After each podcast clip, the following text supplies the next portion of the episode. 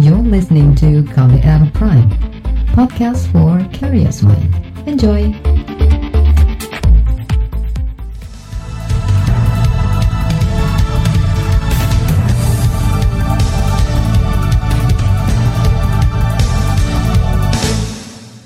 Selamat pagi saudara, senang sekali rasanya saya Reski Mesanto hadir kembali pagi hari ini di program Buletin Pagi edisi Rabu 1 Juli 2020. Tim redaksi KBR pagi hari ini telah menyiapkan sejumlah informasi terkini untuk Anda.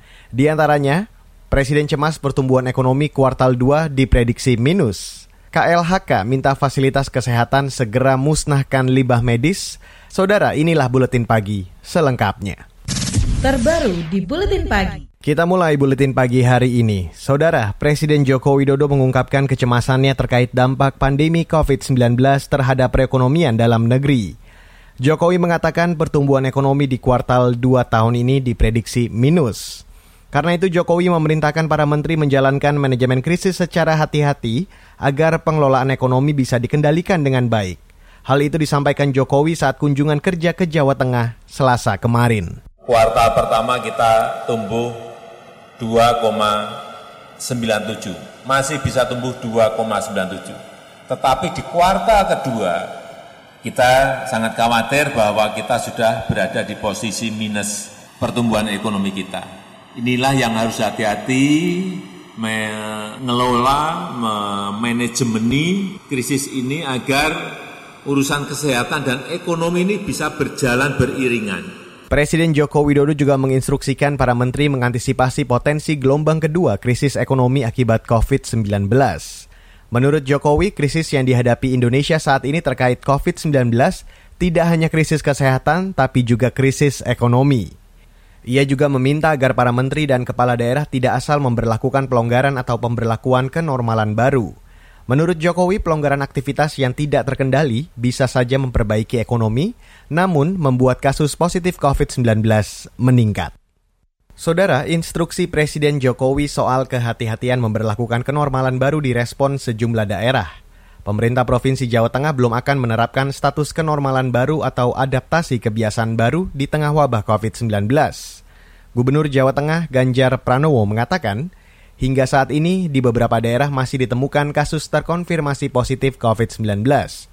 Ganjar memilih untuk mengurangi angka penambahan kasus baru sekecil mungkin sebelum menerapkan adaptasi kebiasaan baru. Kemarin kita sudah putuskan, akhirnya pada daerah-daerah ini akan kita lakukan pendampingan. Langkah yang kita ambil adalah membentuk korwil ke-6 ekskarisidenan, agar lebih kecil lagi dan bisa efektif dan terkoordinasi. Sehingga kemarin ketika ada usulan-usulan bahwa kami sudah bebas Pak, kami akan buka, saya bilang jangan dulu, pastikan setidaknya dalam 14 hari berturut-turut tidak ada penambahan agar kita tidak e, mengambil risiko yang lebih berat. Gubernur Jawa Tengah Ganjar Pranowo mengklaim saat ini di Jawa Tengah tidak ada lagi daerah berstatus zona merah COVID-19. Namun masih ada daerah zona oranye dan kuning seperti di sekitar Semarang Raya, Demak, dan Jepara. Pemerintah Jawa Tengah melakukan berbagai macam upaya menekan kasus baru di daerah itu, di antaranya dengan memperbanyak dan memperluas pemeriksaan atau tes COVID-19. Sementara itu, ahli epidemi dari Universitas Pajajaran Panji Hadi Sumarto menyebut, keakuratan data dan kesiapan seluruh elemen masyarakat harus diperhatikan pemerintah sebelum menerima pengajuan daerah untuk menerapkan adaptasi kenormalan baru atau new normal. Panji Hadi Sumarto mengatakan, jika dua hal itu tidak diperhatikan pemerintah, maka akan menimbulkan masalah baru di daerah tersebut ada dua hal yang harus sangat diperhatikan oleh daerah mana ya menerapkan new normal. Yang pertama itu kualitas datanya harus diyakini baik benar. Jadi kalau data menunjukkan kasus sudah sedikit tapi kualitasnya jelek, artinya banyak kasus yang tidak ditemukan, ini kan sangat meningkatkan risiko ada peningkatan kasus lagi setelah new normal juga. Yang kedua adalah dalam implementasinya nanti benar harus dilakukan penegakan protokol yang diberlakukan. Epidemiolog dari Universitas Pajajaran Bandung Panji Hadi Sumarto menambahkan, otoritas tempat harus melakukan evaluasi setiap saat setelah suatu daerah disetujui untuk melakukan adaptasi ke normalan baru. Panji juga meminta pemerintah mengevaluasi atau surveillance secepat mungkin agar tingkat penyebaran segera bisa diketahui. Kita beralih ke perkembangan terkini kasus COVID-19. Angka penularan virus corona penyebab COVID-19 secara nasional kembali bertambah di atas angka 1000 per hari. Juru bicara pemerintah untuk penanganan COVID-19, Ahmad Yuryanto, mengatakan, dengan tambahan hampir 1.300 kasus baru, jumlah total positif COVID-19 mencapai 56.300-an orang. Meski begitu, ada perkembangan positif mengenai jumlah pasien sembuh. Sejumlah provinsi di Indonesia mencatat tingkat kasus sembuh lebih dari 80 persen. Angka ini lebih baik dari angka presentase sembuh secara global yang berkisar 50 persen. Kasus sembuh kita sudah cukup banyak. Beberapa provinsi melaporkan kasus sembuh sudah lebih dari 80 persen. Di antaranya Nusa Tenggara Barat, 81,1 persen yang sembuh. Kemudian Kalimantan Timur, 73,7 persen sembuh. Yogyakarta, 85,3 persen kasus yang sembuh. Gorontalo, 80,2 persen yang sembuh. Juru bicara pemerintah untuk penanganan COVID-19 Ahmad Yuryanto menambahkan, Provinsi Jawa Timur masih menjadi daerah dengan penyumbang terbanyak positif COVID-19 mencapai 330 orang. Sedangkan DKI Jakarta dan Jawa Tengah di bawah 200 kasus. Dari 56 ribu orang positif COVID-19 di Indonesia, sebanyak 24 ribu lebih telah sembuh dan 28 ribu lainnya masih dirawat. Saudara, pemerintah diminta cepat pulihkan sektor UMKM yang terdampak pandemi COVID-19. Informasi selengkapnya akan kami hadirkan sesaat lagi usai jeda, jadi tetaplah bersama kami di Buletin Pagi KBR. You're listening to KBR Pride, podcast for curious mind. Enjoy!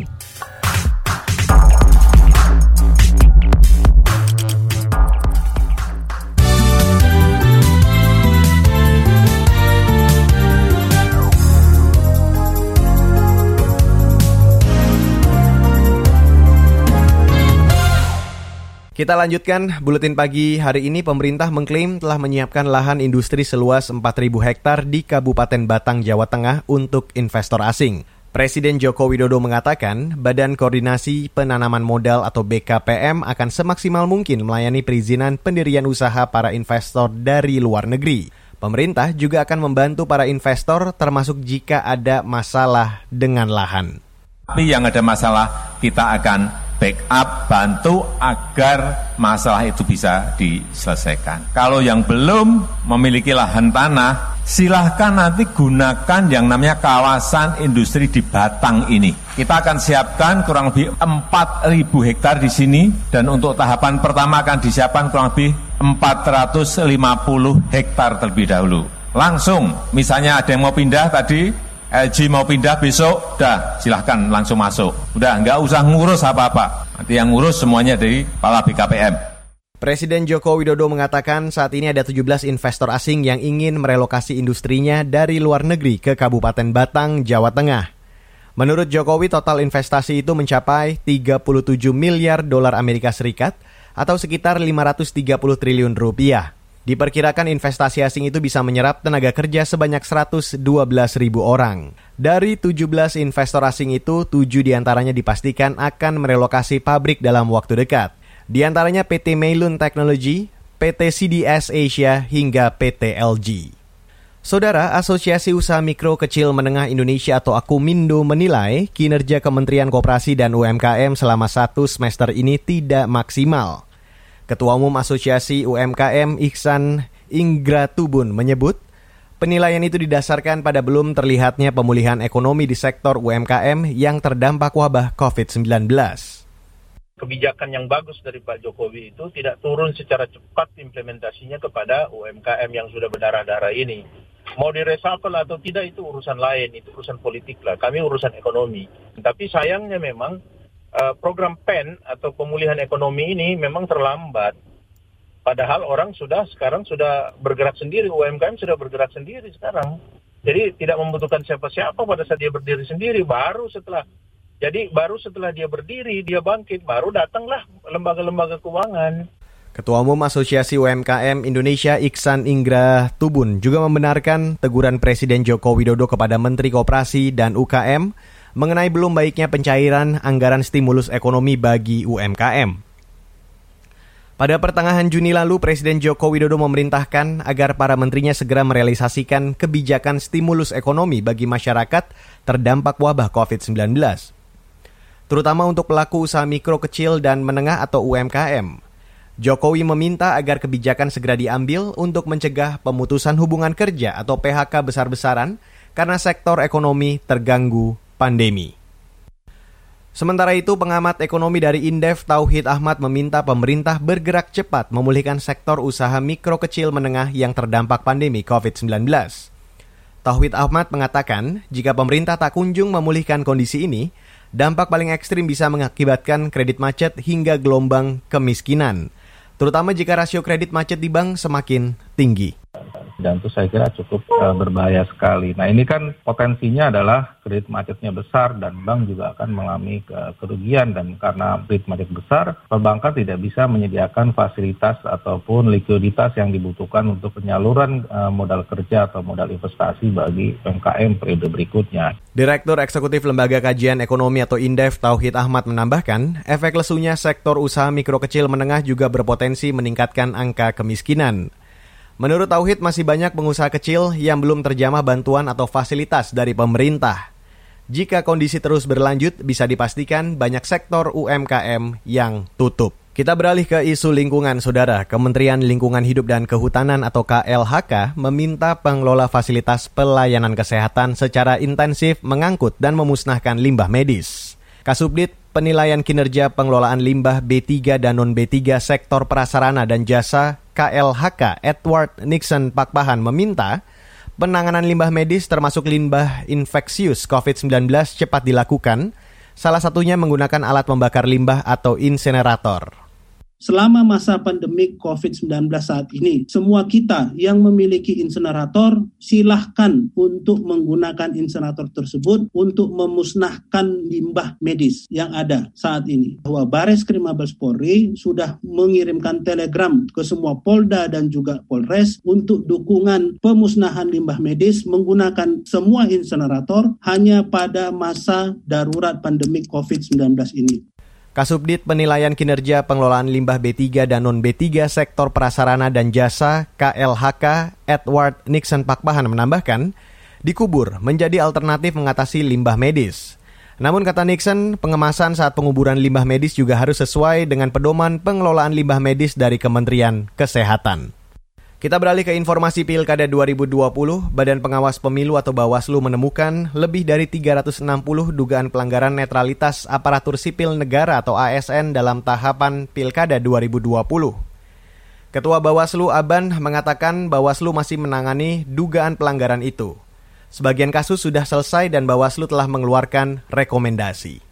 Selama tahapan uh, untuk pilkada ini, meskipun tadi saya katakan belum masa-masa kampanye, bahkan belum ada penetapan uh, pasangan calon, karena penetapan pasangan baru mulai nanti tanggal 23 September, tapi beberapa laporan sudah banyak masuk ke kami. Ada 369 dugaan laporan, dan kami teruskan kepada KSN, ada 324. Cukup banyak eh, dari presentasi 369, kemudian rekomendasi yang sudah dikeluarkan oleh KSN, hampir ya 90 persen ya Ketua Badan Pengawas Pemilu RI Aban menambahkan tren pelanggaran netralitas ASN paling banyak dilakukan dengan cara memberikan dukungan melalui media sosial, melakukan pendekatan pada salah satu partai politik serta melakukan sosialisasi bakal calon. Bawaslu juga bekerja sama dengan Komisi Aparatur Sipil Negara atau KASN dalam melakukan pengawasan, penindakan dan pemantauan tindak lanjut pemberian sanksi kepada ASN yang melanggar.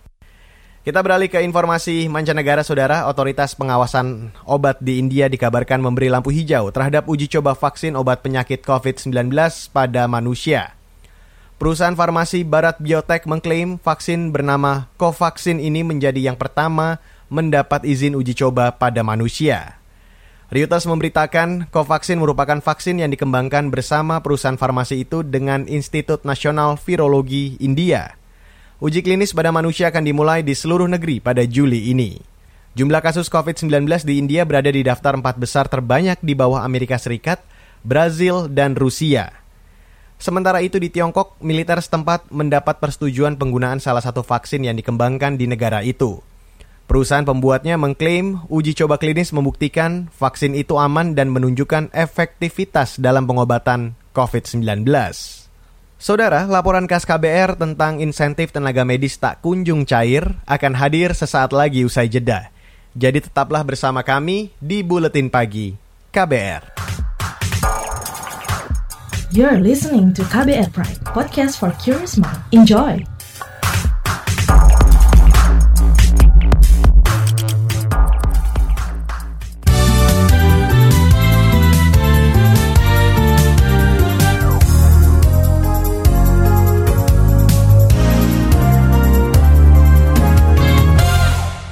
Saudara, banyak tenaga medis di garis depan penanganan COVID-19 tak kunjung menerima insentif yang dijanjikan pemerintah. Persoalan ini juga menjadi salah satu penyebab kejengkelan Presiden Joko Widodo terhadap kinerja anak buahnya di kabinet. Aturan berbelit kembali menjadi ganjalan bagi pejuang medis menikmati sedikit penghargaan dari negara. Saudara, simak laporan tim KBR yang akan dibacakan Astri Yuwanasari. Sepanjang Juni, setidaknya sudah dua kali Presiden Joko Widodo menagih pencairan insentif bagi tenaga medis COVID-19. Pada sidang kabinet 18 Juni lalu, Jokowi geram karena banyak bantuan termasuk insentif tenaga medis tak kunjung disalurkan. Tak sampai dua pekan, isu ini disinggung kembali dalam rapat terbatas. Sampai ada keluhan misalnya yang meninggal ini harus segera di bantuan santunan itu harus Mestinya begitu meninggal langsung bantuan santunnya harus keluar gitu. Jangan sampai prosedurnya di Kementerian Kesehatan betul-betul bisa dipotong. Jangan sampai ini berdele-dele. Kalau aturan di permennya terlalu berbelit-belit ya disederhanakan. Insentif tenaga medis secepatnya, insentif untuk petugas lab ya secepatnya. Kita nunggu apa lagi, no? anggarannya sudah ada.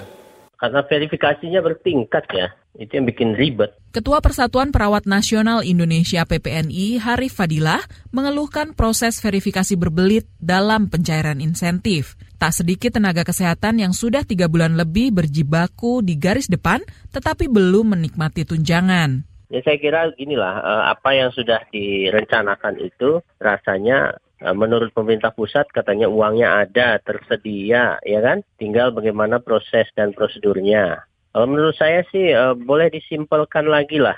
Kalau perlu dirubah peraturannya, dirubah peraturannya untuk supaya bisa simpel. Uh, apa pun ya, bukan hanya insentif lah ya terkait dengan kebijakan yang memang untuk mengatasi persoalan-persoalan dalam penanganan COVID ini gitu.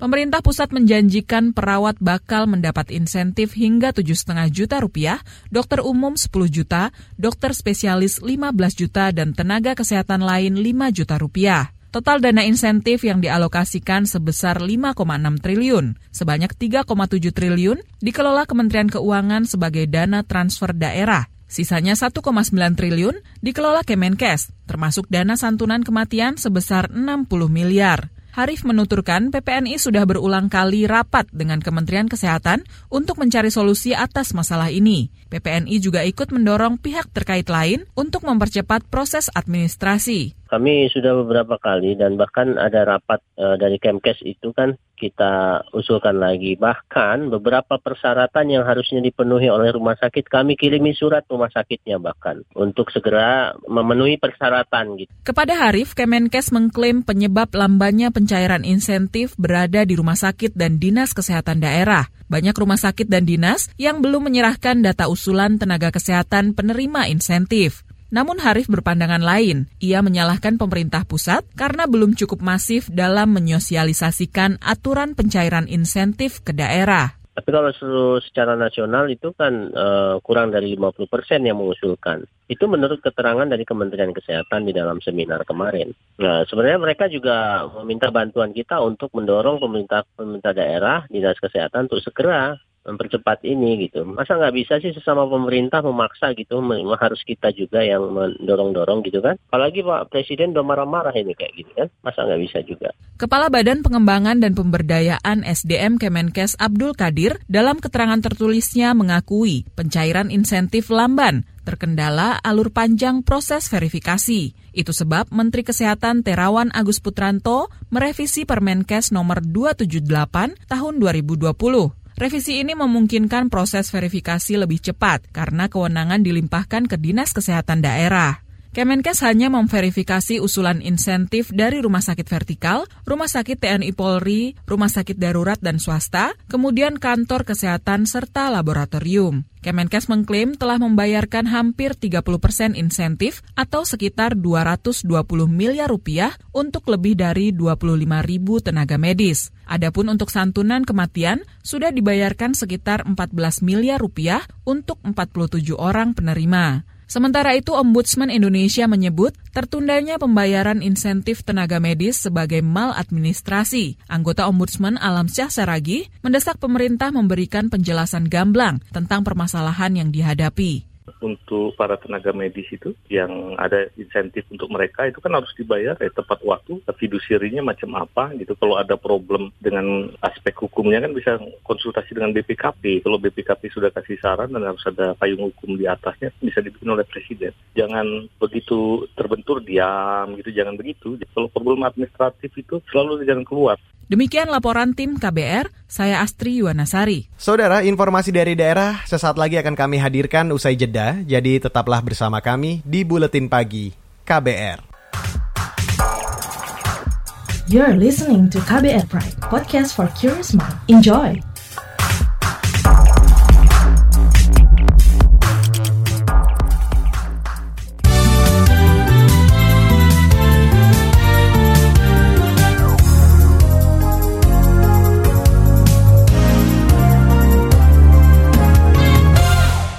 Dan inilah bagian akhir Buletin Pagi KBR. Kita ke Ibu Kota Jakarta, Saudara. Pemerintah Provinsi DKI Jakarta akan menambah kuota penerimaan siswa baru melalui jalur zonasi. Kepala Dinas Pendidikan DKI Jakarta, Nahdiana, mengatakan, kebijakan zonasi itu diambil karena banyaknya calon peserta didik yang tidak diterima meski tinggal di sekitar area sekolah. Setelah kami berkoordinasi dan kami juga mengakomodir tingginya minat masyarakat untuk sekolah negeri, di mana ada siswa yang berada satu RW dengan sekolahnya ini belum dapat diterima, maka hari ini kami mengumumkan bahwa pemerintah Provinsi DKI Jakarta melalui Dinas Pendidikan membuka uh, jalur yang namanya jalur zonasi untuk bina RW sekolah. Kepala Dinas Pendidikan DKI Jakarta Nahdiana menambahkan, rasio kuota masing-masing sekolah akan ditambah dari semula 36 menjadi 40 siswa. Nahdiana juga telah mengantongi izin dari Kemendikbud untuk menambah kuota siswa di sekolah. Jalur zonasi ini dibuka tanggal 4 Juli mendatang dan tahapan lapor diri pada 6 Juli. Kebijakan penambahan kuota juga diambil setelah banyak orang tua memprotes salah satu syarat penerimaan siswa berdasarkan usia anak. Kita beralih ke Jawa Timur, Saudara PT Kereta Api Indonesia Daerah Operasional 9 Jember menghentikan sementara layanan operasional kereta api jarak jauh Ranggajati relasi Jember Cirebon. Layanan KA Ranggajati dihentikan mulai 1 Juli hari ini. Juru bicara PT KAI Daerah Operasi 9 Jember, Mahendro Trang Bawono mengatakan, layanan KA Ranggajati dihentikan sementara karena okupansi penumpang rendah. Jadi selama dioperasikan mulai tanggal 12 Juni kemarin sampai tanggal 29 Juni. Itu KA Ranggojati hanya mengangkut 407 penumpang. Itu terbilang kecil di bawah 10% dari total penumpang total penumpang yang diangkut oleh PT KAI Daop 9 Jember. Nah, untuk di Daop 9 Jember sendiri sampai tanggal 29 Juni sudah mengangkut sebanyak 4.878 penumpang. Juru bicara PT KAI Daerah Operasi 9 Jember, Mahendro Trang Bawono menambahkan, turunnya okupansi kereta juga salah satunya disebabkan adanya persyaratan calon penumpang untuk memiliki surat keterangan bebas COVID-19, baik melalui rapid test atau tes PCR. Aturan ini dikeluarkan oleh Kementerian Perhubungan. Sebelumnya, PT KAI juga menghentikan layanan operasional KA Kamandaka Relasi Semarang Purwokerto karena terdampak wabah COVID-19. Dan saudara, informasi tadi menjadi informasi terakhir saya di Buletin Pagi hari ini. Pantau juga informasi terbaru melalui kabar baru, melalui website kbr.id, Twitter kami at berita KBR, serta jangan lupa untuk selalu mendengarkan podcast kami di kbrprime.id. Akhirnya saya, Reski Mesanto, saya pamit. Salam.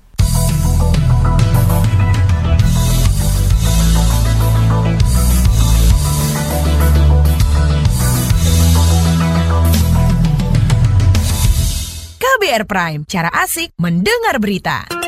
KBR Prime, podcast for curious mind.